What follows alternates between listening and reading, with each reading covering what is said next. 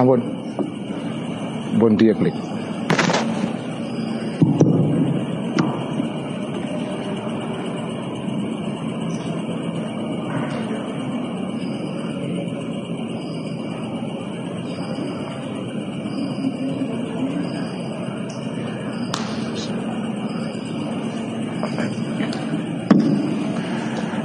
Assalamualaikum warahmatullahi wabarakatuh.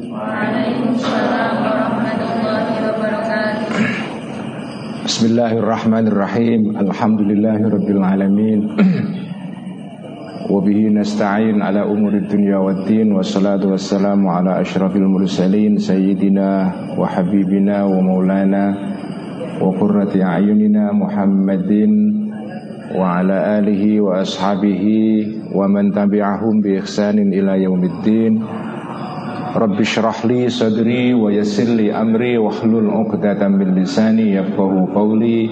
Rabbi zidna ilma warzuqna fahma. Amin ya rabbal alamin. Amma ba'd. Teman-teman semua mari kita ngaji ikhya seperti biasa setiap malam Jumat. Eh, kali ini saya ngaji ikhya dari pesantren as di Kaligawe di Semarang.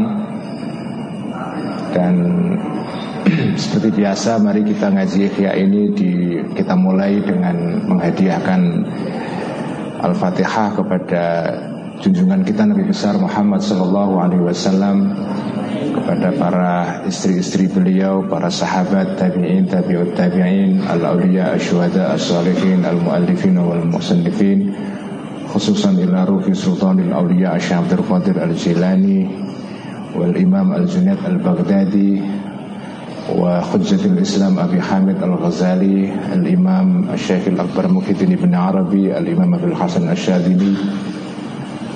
Dan juga kita hadiahkan Al-Fatihah kepada para wali-wali di Nusantara terutama Wali Songo wa ila ruhi wa ila jaddina Ahmad Mutamakin qadasallahu asrarahum wa dharaihahum wa adam barakatihim wa nafa'ana bi ulumihim wa amadana madadihim wa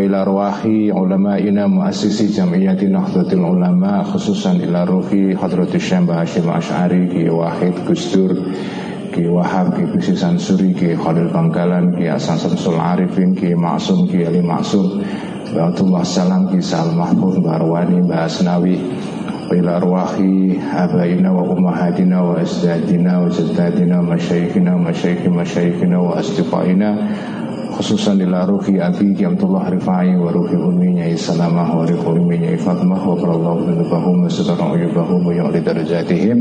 شيء لله لهم الفاتحة. أعوذ بالله من الشيطان الرجيم. بسم الله الرحمن الرحيم. الحمد لله رب العالمين الرحمن الرحيم. مالك يوم الدين. إياك نعبد وإياك نستعين. اهدنا الصراط المستقيم. صراط الذين أنعمت عليهم غير المغضوب عليهم ولا الضالين. آمين. بسم الله الرحمن الرحيم. قال المؤلف رحمه الله تعالى ونفعنا به وبعلومه في الدارين. آمين. رب uh, kita meneruskan kajian pada minggu yang lalu masih mengenai soal hasut.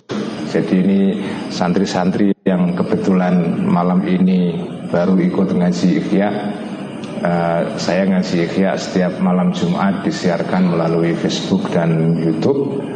Uh, dan sekarang ini atau sudah beberapa minggu terakhir ini bahkan beberapa bulan terakhir ini kita membahas mengenai soal hasut ya. Salah satu penyakit hati yang banyak menimpa mengenai kita semua ya. Tidak ada manusia yang selama hidupnya tidak pernah hasut.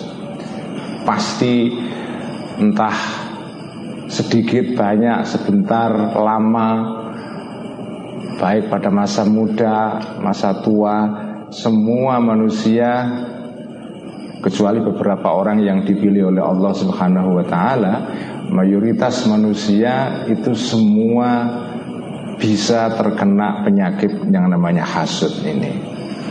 Nah hasud itu ada tujuh sebab yang menimbulkan hasud Nah, sudah saya baca beberapa eh, kali dalam ngaji Ihya beberapa minggu terakhir. Sekarang kita sampai kepada sebab yang kelima. Sebab kelima yang menimbulkan hasud. Asbabul khamisu. Ai hadza asbabul khamisu. Sebab yang kelima yang menimbulkan hasud adalah al khaufu min fautil maqasidi. Al khaufu khawatir atau takut ini ngajinya pakai bahasa Indonesia karena yang ikut ngaji banyak orang, bukan orang Semarang saja. Kalau ngajinya dengan santri-santri Jawa ya saya lebih suka pakai bahasa Jawa karena dulu saya ngajinya pakai bahasa Jawa. Tapi karena yang ngaji banyak orang ya saya ngajinya pakai bahasa Indonesia. Karena ini bahasa yang bisa difahami semua orang. Ini lingua frankanya kita ya. Al khawfu adalah takut min fautil maqasidi dari kehilangan tujuan-tujuan yang di, di ingin dicapai. Jadi sampean punya goal, punya tujuan, kepengen mencapai sesuatu A, B, C dan seterusnya. Tiba-tiba jenengan punya teman yang diberikan nikmat oleh Allah dan teman ini biasa ini adalah pesaing sampean gitu. Karena hasud itu biasanya terjadi antara orang yang sepantaran. Ya, bainal akron wal amsal. Nanti diterangkan dalam bab berikutnya itu. Jadi umumnya hasud itu terjadi antara orang yang selevel. Kalau jenengan itu levelnya jauh dari orang lain, itu biasanya nggak nggak ada hasud di antara mereka jenengan sama Pak Yai gitu. Itu tidak mungkin hasut karena levelnya beda jauh. Jenengan dengan lurah gitu dengan warga biasa. Itu kan tidak hasut. Hasut itu terjadi karena ada orang dua-duanya itu satu level umurannya juga hampir sama. Podo desane misalnya ya podo sekolah SMA-nya lulusan SMA selevel ekonominya juga relatif sama. Yang satu pakai handphone Android tiba-tiba temennya beli iPhone. Wah itu langsung panas hatinya kan. Kalau yang beli iPhone kiai saya, saya nggak masalah. Tapi kalau yang beli iPhone itu teman sepantaran Ah itu baru bikin panas dingin itu uh, kita kan. Jadi itu hasud itu sering terjadinya adalah bainal amsal itu istilahnya kitab Ihya ya.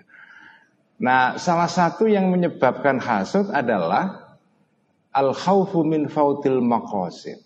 Jenengan punya tujuan, terus jenengan punya teman yang sepantaran, terus dia dapat nikmat dari Allah yang berkat nikmat ini dia bisa nyalip sampean untuk mencapai maksud itu.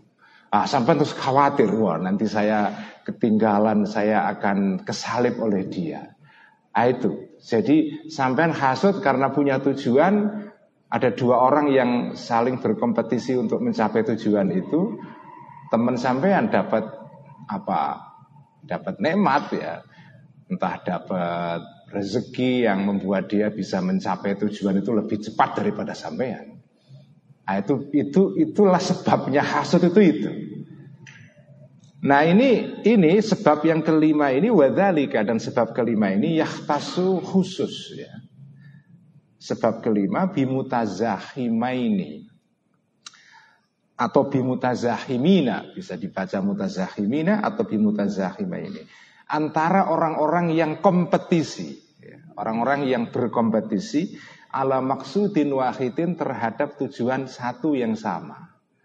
Sama-sama kepengen jadi PNS, ya, lagi nyalon PNS, ada dua orang yang kompetisi selevel sepantaran tamate yo podo ya. tiba-tiba temennya ini terus dapat apa dapat koneksi, dapat orang dalam yang bisa membantu dia untuk jadi CPNS atau jadi PNS. Wah jenengan panas itu, ya. karena khawatir jenengan akan tersaingi oleh orang itu kalah sampai enggak jadi PNS dia jadi PNS. Jadi hasud itu terjadi antara mutazahimin antara orang-orang yang berkompetisi untuk meraih tujuan yang sama. Fa inna wahidin karena kenapa kok hasud terjadi karena sebab seperti ini? Fa inna karena sesungguhnya masing-masing dari dua orang atau orang-orang yang berkompetisi ini yahsudu itu hasud uh, menghasudi ya kula wahidin ini sohibahu terhadap temannya kula wahidin ala ni ala kulli nikmatin terhadap setiap nikmat takunu yang ada nikmat ini aunan sebagai pertolongan sebagai bantuan sebagai support lahu bagi apa namanya sohibahu fil infiradi untuk monopoli, untuk me menggagai, memonopoli bimaksudi terhadap tujuannya kuli wahid tadi. Jadi jenengan punya teman saling bersaing meraih tujuan yang sama, teman sampean dapat nikmat. Berkat nikmat ini teman sampean nanti bisa meraih maksud yang sama itu. Jangan khawatir tidak bisa meraih tujuan itu disalib sama teman sampean itu. Hasut itu ya. Hasut itu. Jadi ya ini ini sesuatu yang yang yang terjadi pada banyak orang. Maksud ini bisa macam-macam. Tujuan ini macam-macam bentuknya, bisa berupa tujuan-tujuan yang sifatnya duniawi, yang sepele, ya. soal handphone ya, sampai soal uh, persaingan upload foto paling bagus di Instagram misalnya, ya. kalah sama temennya karena temennya lebih bagus fotonya, eh, bisa itu.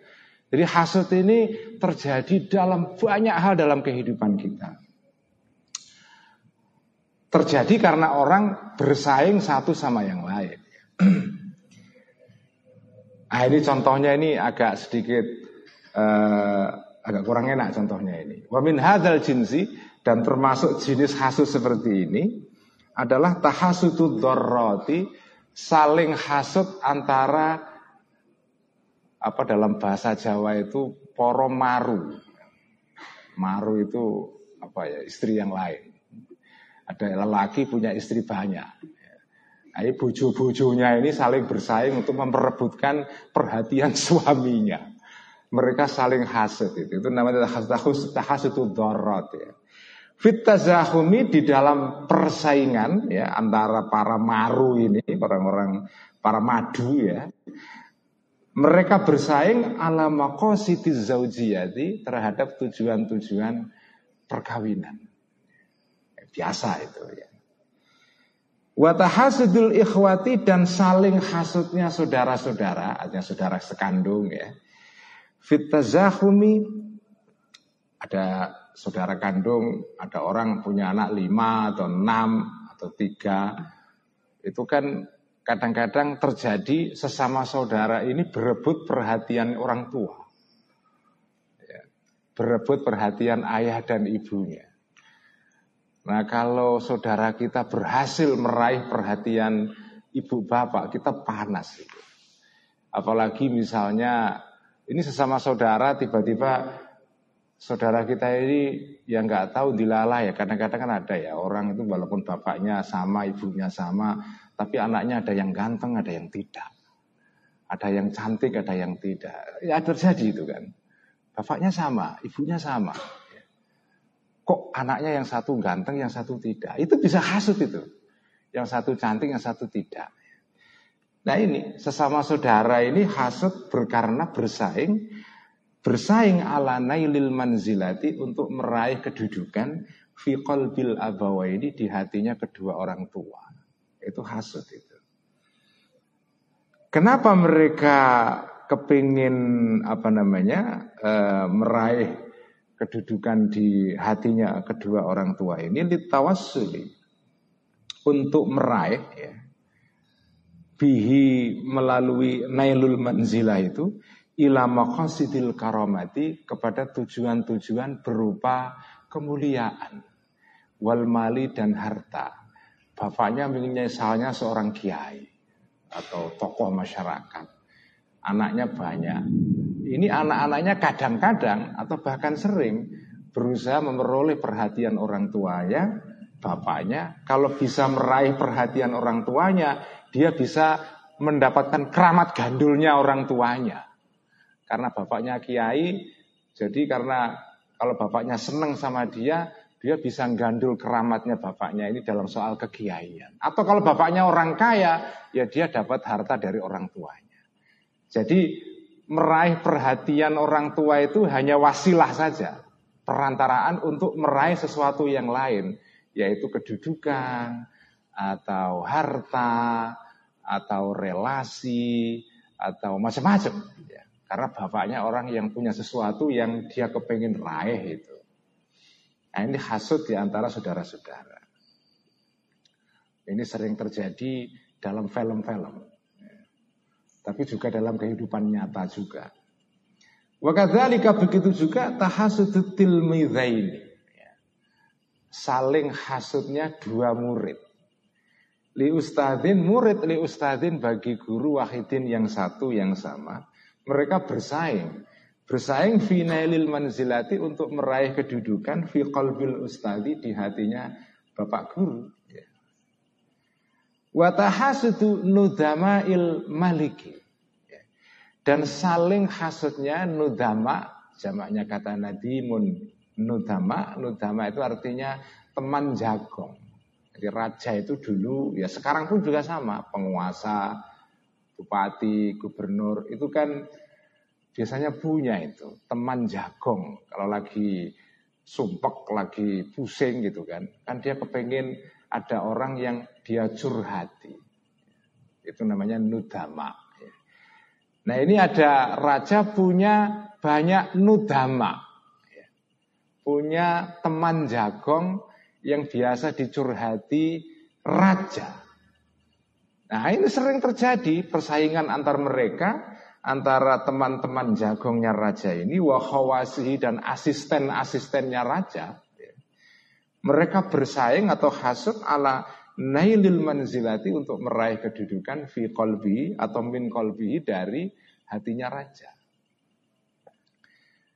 Kenapa mereka bersaing untuk mendapatkan kedudukan di depan raja ini? Litawasuli untuk meraih bihi melalui nailul manzilah ini ilal jahi kepada kedudukan karena raja punya kedudukan dia kepengen dapat keramat gandulnya raja dengan cara meraih simpati dari raja itu. Wal mali dan harta. Inilah hasud di antara nudama. Ya. Nudama artinya teman jagung. Wakadzalika. Nah ini contoh yang ini yang contoh yang sering juga terjadi. Wakadzalika dan begitu juga sebagaimana tahasudul tilmidha ini sebelumnya. Tahasudul wa'idhina Nanti kalau sampai sudah pulang jadi kiai ini, ini contohnya ini. Tahasudul wa'idhina saling hasutnya para penceramah-penceramah. Wah ini ya. Penceramah-penceramah itu juga saling hasut satu dengan yang lain itu. Al-mutazahimina yang berebut ala ahli baldatin terhadap penduduk suatu daerah, negara, wahidatin yang satu. Kepengen uh, berebut untuk mendapatkan jadwal ceramah.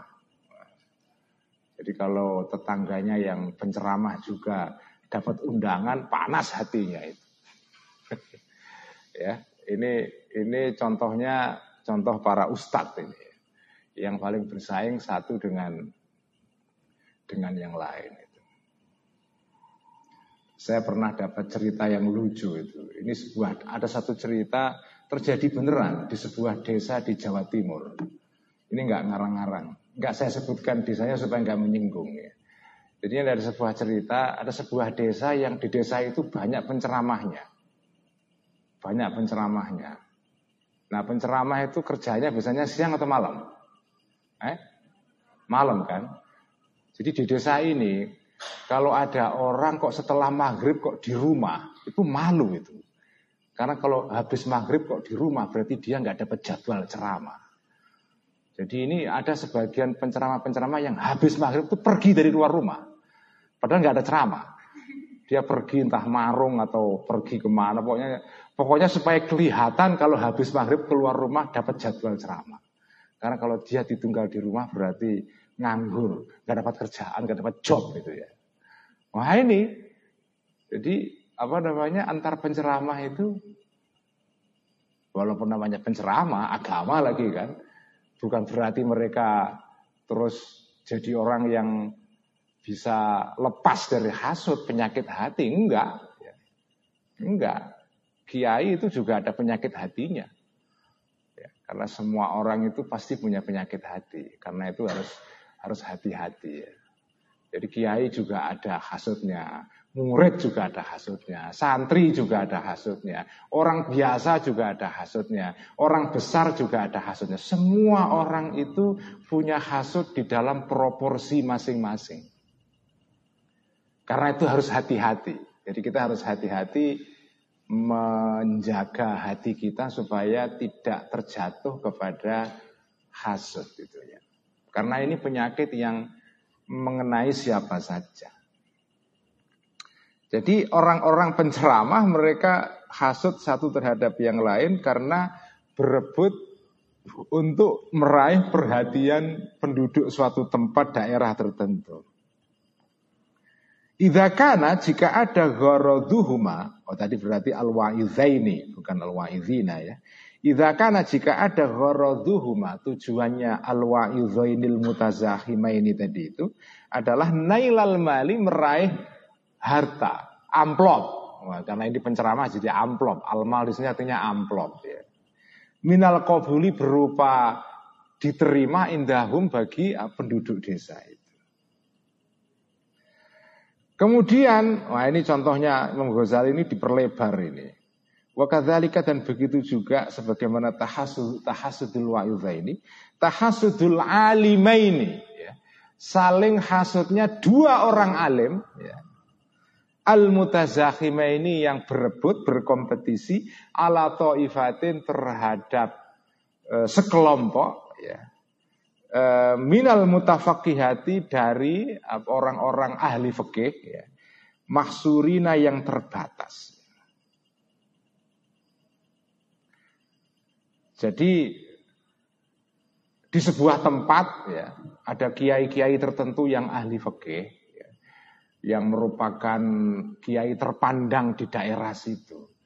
Nah ini kiai-kiai lain di daerah situ yang kiai-kiai kecil-kecil ya. Itu mereka kadang-kadang juga hasut untuk meraih perhatian kiai yang yang terpandang ini. Misalnya di Rembang dulu ada almarhum Mbah Maimun Zubair misalnya ya ini kiai yang kiai yang dianggap alim sekali Ya kiai alim sekali Mbak Maimun ini. Nah mungkin saja antara kiai-kiai di, di daerah situ mereka berebut untuk merasa paling dekat dengan Mbak Maimun. lalu mereka saling bersaing, persaingan ini menimbulkan hasut di antara mereka. Kenapa mereka berhasut saling hasut? Idhiyatulubu karena karena mencari ya. mencari kullu atau ya mencari keluahidin masing-masing dari para orang-orang alim yang berebut perhatian tadi itu untuk meraih kedudukan di mata seorang alim di sebuah daerah itu mereka mencari manzilatan kedudukan fi di hatinya para mutafaqihah tadi itu ditawasuli untuk men, me, me, untuk sampai bihim melalui al-mutafaqqihah tadi itu ila agradin kepada tujuan-tujuan lahu bagi kullu wahidin tadi. Inilah hasud yang ditimbulkan karena persaingan. Ini sebab kelima.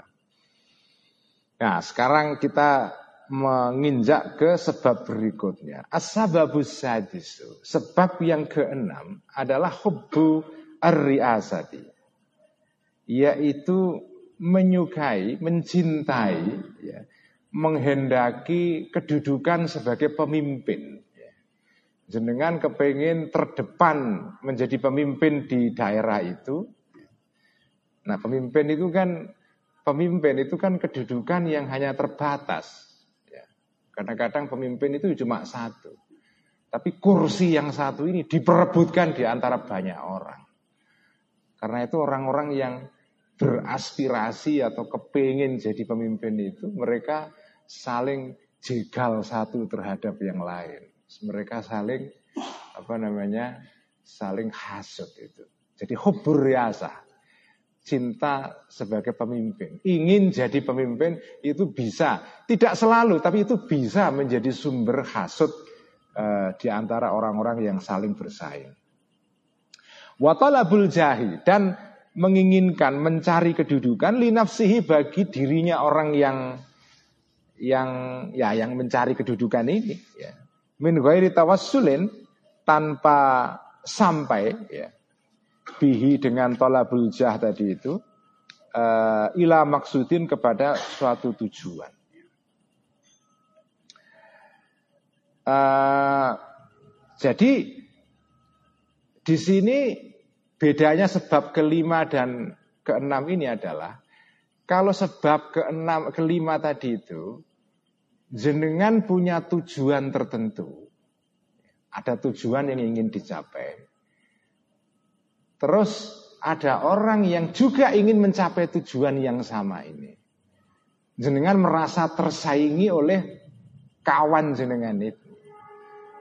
Dan ketika kawan jenengan ini punya nikmat ya, dia diberikan nikmat oleh Allah yang berkat nikmat itu dia bisa menyalip sampean untuk bisa meraih tujuan ini. Sama merasa khawatir nanti tidak bisa mencapai tujuan ini karena sudah keburu di, di, direbut oleh teman sampean ini. Jadi ada tujuan. Ya. Nah kalau yang ketujuh ini nggak ada tujuan. Pokoknya sampean kepengen jadi terdepan gitu saja. Tujuan saya itu tidak ada. Jadi yang penting pokoknya jenengan ini untuk kedudukan. Kedudukan ini untuk meraih apa, ini nggak nggak penting. Pokoknya sekedar jadi orang yang terdepan. Padahal yo kedudukan itu tidak membawa keuntungan apa-apa.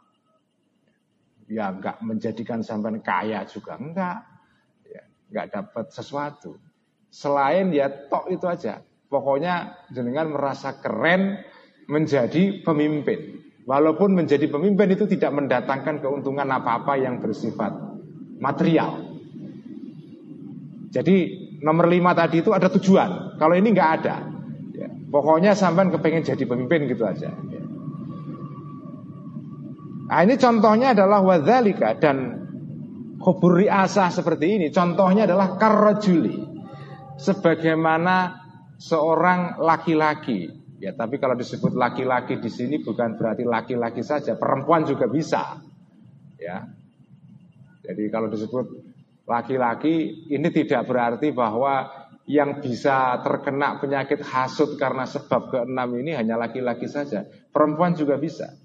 Karena Juli seperti laki-laki Allah yuridu yang menginginkan laki-laki ini an yakuna ada laki-laki ini adiman naziri.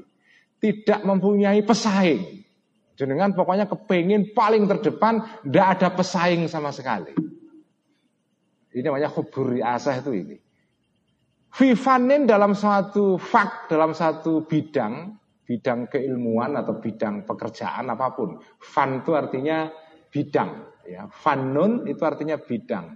Bisa berupa bidang keilmuan, eh, keterampilan, apa pun. Itu namanya fanun.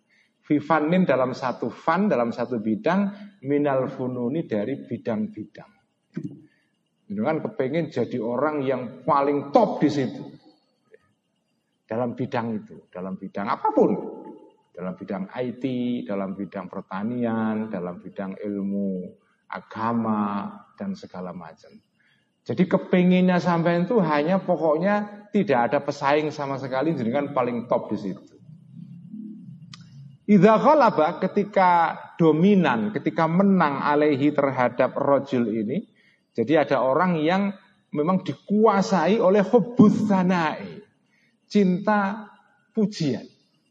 Ada orang itu yang cinta dipuji. Kalau nulis status di Facebook, kepenginnya dijempoli semua. Kalau ada yang julid gitu, langsung panas hatinya. Oh, itu penyakit netizen sekarang kan gitu. Gak tahu di sini ada yang main Facebook atau enggak? Enggak boleh ya. Ada yang punya akun Facebook? Eh? Eh? Ada. Nah, kalau ada yang main Facebook, orang kalau ngetatus di Facebook itu kepenginnya semua di dijempoli, didukung. Kalau ada yang kritik langsung marah. Itulah itulah ciri khas manusia zaman medsos sekarang ini. Jadi kalau dijuliti langsung marah segala macam. Jadi hubusana, kepenginnya dilem ya. Kepenginnya itu dipuji saja. Was tafazzahu. Was tafazza dan me, me, apa, mem, memprovokasi. Tafazza itu istafazza artinya uh, apa itu me, memprovokasi, me, merangsang. Hu atau membangkitkan hu kepada ar-rajul tadi itu al-farahu, gembira ya. Jadi kalau dia apa ya dipuji ya, dia gembira, dia didorong, dipicu oleh kegembiraan bima dengan sesuatu yumdahu yang dipuji rajul tadi itu bihi dengan ma min annahu pujiannya apa? Min annahu berupa sesungguhnya laki-laki tadi itu wahidud dahri adalah satu-satunya orang yang paling top di masa itu. Itu namanya wahidud dahri. Ad-dahru artinya tahun. Artinya satu-satunya orang yang paling menonjol pada tahun itu. Jadi seneng. Ada orang seneng kalau disebut dia ini yang best of the best pada tahun itu. Itu saja tujuannya, tidak ada yang lain-lain. Ya. Nggak kepengen dapat harta, kedudukan, enggak. Pokoknya ada orang yang senengnya itu dipuji. Walaupun pujian itu tidak mendatangkan keuntungan material apa-apa. Itu juga bisa menjadi sebab timbulnya hasut kalau ada orang lain nyaingi dia. Wafaridul asri dan orang yang paling apa sendiriannya masa itu, maksudnya sendirian paling top ya. Vivani di dalam fan atau bidangnya laki-laki tadi. Wa annahu dan sesungguhnya laki-laki tadi itu la nazira, tidak ada kompetitor, tidak ada pesaing ya. Itu maujud lahu bagi laki-laki ini. Dia kepengen disebut sebagai orang yang paling top tidak ada pesaingnya. Nah orang seperti ini fa'innahu karena sesungguhnya laki-laki tadi itu lausamia jika mendengar laki-laki itu laki-laki tadi itu binadirin mengenai seorang pesaing. Lahu bagi laki-laki ini fi aksol alami di ujung dunia. Bukan di desa dia di tempat lain yang jauh tapi ada orang yang kira-kira bisa menyaingi dia. Itu panas hatinya Enggak sedesa padahal loh. Dia tinggal di Kaligawe, dia merasa paling top. Tiba-tiba ada orang di Aceh yang juga menguasai bidang yang sama. Itu hatinya udah ketir-ketir itu. Khawatir kalau yang di Aceh nanti itu bisa menyaingi dia. Aksol alam di ujung dunia itu. Nah ini orang ini ya jawabnya lau jika tadi itu apa jawabnya? Ya, jadi dalam bahasa Arab itu sebuah kalimat itu ya lengkap kalau misalnya jenengan mengatakan jika ya, itu ya harus ada makanya. Ya, itu kalimat itu harus begitu. Jangan kayak Sri Mulat ngomong jika terus titik orang terusane. Nah, itu namanya kalimat yang tidak lengkap, nggak boleh. Kalau jenengan bikin kalimat, ya itu harus lengkap. Kalau jenengan menaruh syarat, ya satunya jika. Jika begini, begini, begini, begini, terus sampai menengai, kira-kira gimana? Kalau sampai diajak omong kalau seseorang, ngomong jika begini, begini, begini, terus tinggal lungo. Kira-kira gimana? Jengkel enggak? Jengkel kan? Oh, jika begini, begini, tinggal lungo. Itu namanya Sri Mulat itu. Setelah jika begini-begini harus ada jawabnya. Maka, nah, Baru kalimat yang lengkap, bikin lega. Karena sekarang ini banyak anak-anak yang apa nggak bisa bikin kalimat yang baik. Harus belajar bikin kalimat itu yang benar. Kalau jenengan bilang jika titik titik titik titik bla bla bla bla bla maka jangan bilang jika terus tinggal lungo tinggal pergi nggak ada makanya itu orang bikin bikin jengkel orang yang membaca atau mendengarkan kalimat itu. Jadi tadi itu fa'innahu lau jika apa kalau jika saat maka bikin tidak enak, bikin sakit hu kepada laki-laki itu tuh tadi zalika tadi itu mendengar ada pesaingnya itu. Enggak seneng dia kalau ada pesaing yang menyaingi dia. Wa ahabba dan kepengen laki-laki tadi itu mau tahu matinya pesaingnya. Kalau bisa mati saja supaya dia sendirian paling top. Au zawalan nikmati. Atau kalau dia tidak apa ya kepingin orang itu mati, kalau mati kan keterlaluan ya. Pokoknya minimal ya au zawalan nikmati atau hilangnya nikmat. Jadi orang itu semula punya nikmat yang membuat dia unggul melebihi dia, pokoknya nikmatnya hilang. Supaya nanti kedudukannya sama lagi dengan dia. Nikmat yang dia peroleh hilang. Allah biha yang melalui nikmat ini yusyariku menjadi setara ya. Uh, apa namanya tadi? Nazir tadi, pesaingnya tadi itu hu kepada laki-laki tersebut filman zilati dalam kedudukan. Dia kepingin nikmat yang diperoleh pesaingnya itu hilang. Jadi kalau pesaingnya itu dapat nikmat berupa apa kedudukan, semoga kedudukannya hilang supaya dia anjlok lagi, merosot lagi supaya kedudukan dia dengan orang itu menjadi sama, dia tidak tersaingi itu. Uh,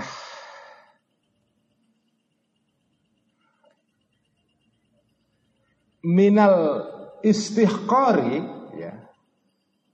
Ini mana? Oh sorry sorry min syaja'atin ya min syaja'atin ya. Uh, min syaja'atin berupa keberanian ya. jadi nikmat tadi itu apa? Isinya nikmat itu. Min syaja'atin berupa keberanian.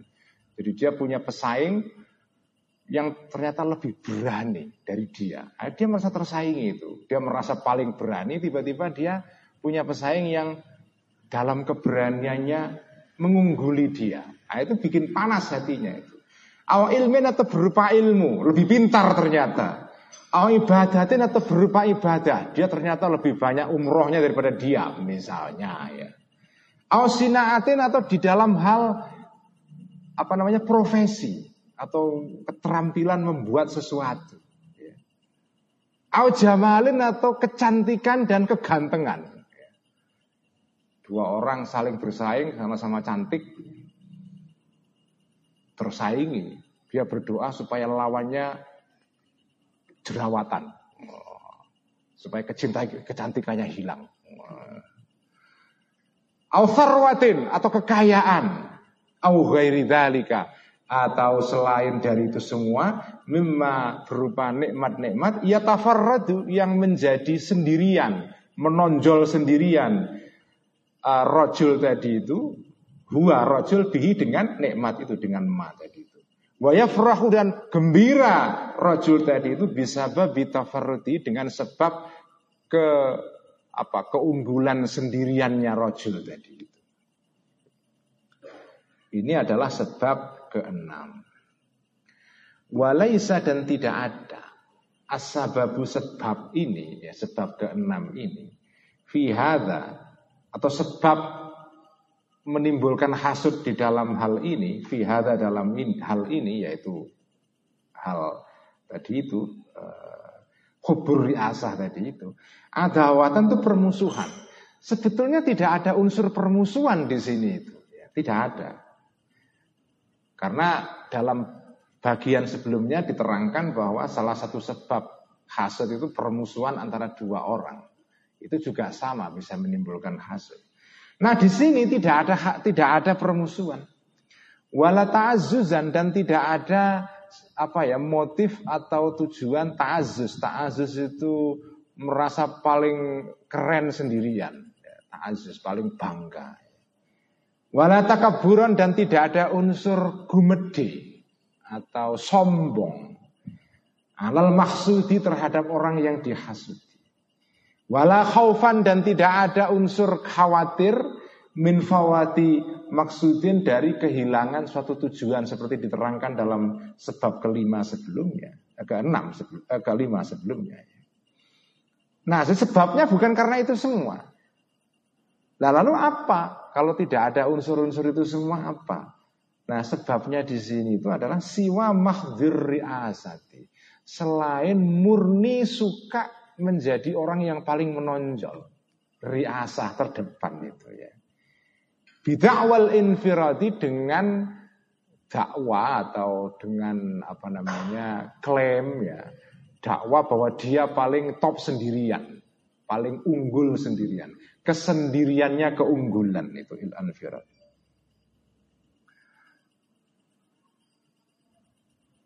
Uh, wahada dan ini ya yaitu apa namanya sebab ke enam ini adalah waro ama ya, di apa ya uh, di seberang atau di baliknya uh, sesuatu. Jadi sebab keenam ini hasut karena sebab keenam ini inilah hasut yang sering kali terjadi di antara atau sebab di balik sesuatu keadaan baina ahadil ulama di antara masing-masing pribadi-pribadinya para ulama-ulama. Ini hasut seperti ini sering terjadi di antara para ulama. Jadi jangan dikira kalau menjadi ulama terus nggak pernah hasut. Ya hasut juga. Ya. Bahkan hasutnya ulama lebih tinggi kadang-kadang daripada hasutnya para santri. Karena orang itu makin tinggi kedudukannya, godaan untuk hasutnya juga makin tinggi. Jadi ada hasut tingkat santri, ada hasut tingkat dosen, ada hasut tingkat kiai. Ada, masing-masing keduduk, masing-masing tingkatan itu punya jenis hasutnya sendiri-sendiri. Jadi jangan dikira kalau hasut itu hanya para santri saja, enggak. Antara orang-orang kecil, enggak. Antara kiai juga hasut. Malah godaan hasut di antara para kiai lebih besar daripada di antara santri. Karena seperti disabdakan kanjeng Nabi, setiap manusia dalam dirinya itu ada setan. Likulli insanin syaitonu. Setiap manusia itu dalam dirinya ada setannya sendiri-sendiri. Kanjeng Nabi pernah ditanya oleh sahabat, dan jenengan apa punya setan kanjeng Nabi? Oh iya saya juga punya. Di dalam diri kanji Nabi itu ada setan juga. Cuma setannya sudah dijinakkan. Jadi nggak bisa berbuat apa-apa. Tapi kalau setannya sampean semua ini masih aktif semua. Masih aktif bekerja. Nah setannya orang-orang itu berkembang sesuai dengan perkembangan status orang itu. Kalau masih santri ya setannya level santri. Nanti kalau naik jadi kiai ya setannya ikut naik juga, naik kelas. Kalau jadi kiai lalu setannya level santri enak saja, itu namanya ya enak. Enggak. Begitu naik jadi kiai, setannya juga menyesuaikan diri, dia mengalami upgrading juga. Tingkat naik itu, tingkatnya itu. Dia jadi pemimpin, ya naik juga. Setannya jadi level pemimpin itu ya. Begitulah jadi manusia itu tidak ada yang selamat dari godaan setan. Nggak bisa, karena itu harus hati-hati. Intinya apa? Intinya sampean menjadi apa pun itu harus waspada. Karena penyakit hasut ini yang keenam ini, ini malah justru penyakit hasut yang sering terjadi di antara para ulama. Jadi ini wahada wara'ah ini penyakit keenam ini wara'ama di balik keadaan-keadaan baina ahadil ulama. Ini di antara masing-masing para ulama. Mintala bil jahi ma tadi itu apa? Mintala bil jahi berupa mencari kedudukan. Ya. ulama itu kan kebagiannya kedudukan. Ya. wal manzilati dan status sosial fi bin nasi di hatinya orang-orang manusia litawasuli untuk sampai. Kenapa dia kok kepingin dapat simpatinya masyarakat untuk sampai untuk meraih litawasuli untuk meraih ila maqasida kepada tujuan-tujuan siwar riasati yang selain kepemimpinan. Kan kepingin tidak sekedar menjadi pemimpin, tapi tujuan yang lain yaitu menjadi orang yang terpandang di antara masyarakat itu. Wakot dan sungguh ada ulama ul Yahudi, ulama-ulama Yahudi pada zaman kanjeng Nabi dulu. Yungkiruna, mereka ini mengingkari, menyangkal para ulama-ulama Yahudi yang disebut dengan rabai istilahnya ya, rabi artinya bukan rabi Jawa. Kalau rabi Jawa artinya lain. Ya. Ini rabi bahasanya rabai. Ulama Yahudi namanya rabai. Mereka ini yungkiruna, mereka menyangkal semua ma'rifat Rasulillahi, mengetahui Rasulullah Shallallahu Alaihi Wasallam. Jadi mereka ini tahu nah ini kanji Nabi, ini Nabi akhir zaman, tapi mereka nggak mau ngakui. Karena apa? Hasud. Karena mereka mengira ah, Nabi akhir zaman itu datang dari kalangan orang Yahudi. Lah kok malah dari kalangan orang Arab? Nah, mereka hasud itu. Wala yu'minuna dan tidak beriman orang-orang Yahudi ini bihi terhadap Rasul. Khifatan karena khawatir. Kenapa mereka tidak mau iman? Khifatan karena khawatir min antabtula untuk atau terhadap apa? batal, bubar ya. Riasatuhum kepemimpinannya orang-orang Yahudi ini. Wastidba'uhum dan meraih pengikutnya para ulama ini. Begitu yang jadi nabi bukan dari Yahudi, mereka langsung hasut karena khawatir kehilangan pengikut. Kehilangan kepemimpinan di dalam masyarakat Arab di Madinah ketika itu. Mahmanusikho ketika dinasah, dihapuskan ilmuhum ilmunya ulama Yahudi. Inilah sebab keenam. Saya kira cukup sekian saja ngaji ikhya uh, yang sebab ketujuh nanti dibaca minggu depan. Tapi minggu depan nggak dikali gawe lagi di tempat lain. Kalau kepengen ikut silakan nanti mengikuti lewat YouTube kalau ada YouTube ya. Kalau punya HP, kalau enggak ya enggak bisa.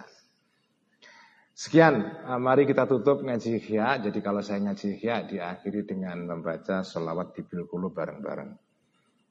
اللهم صل على سيدنا محمد طب القلوب ودوائها وعافية الأبدان وشفائها صلى